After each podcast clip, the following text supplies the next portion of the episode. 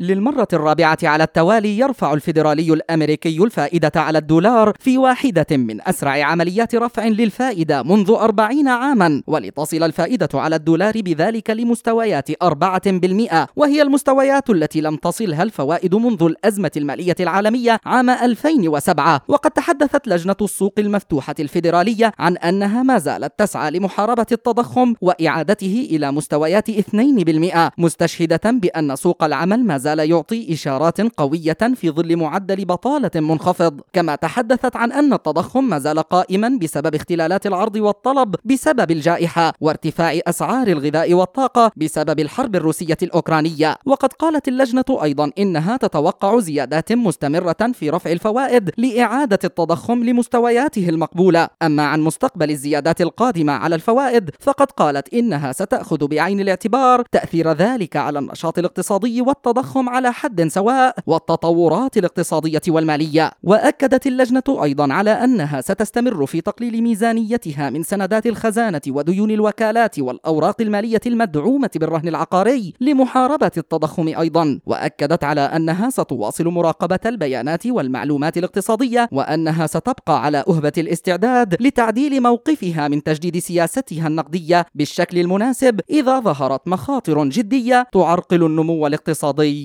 الأمريكي. مجد النوري لشبكة أجيال. الإذاعية.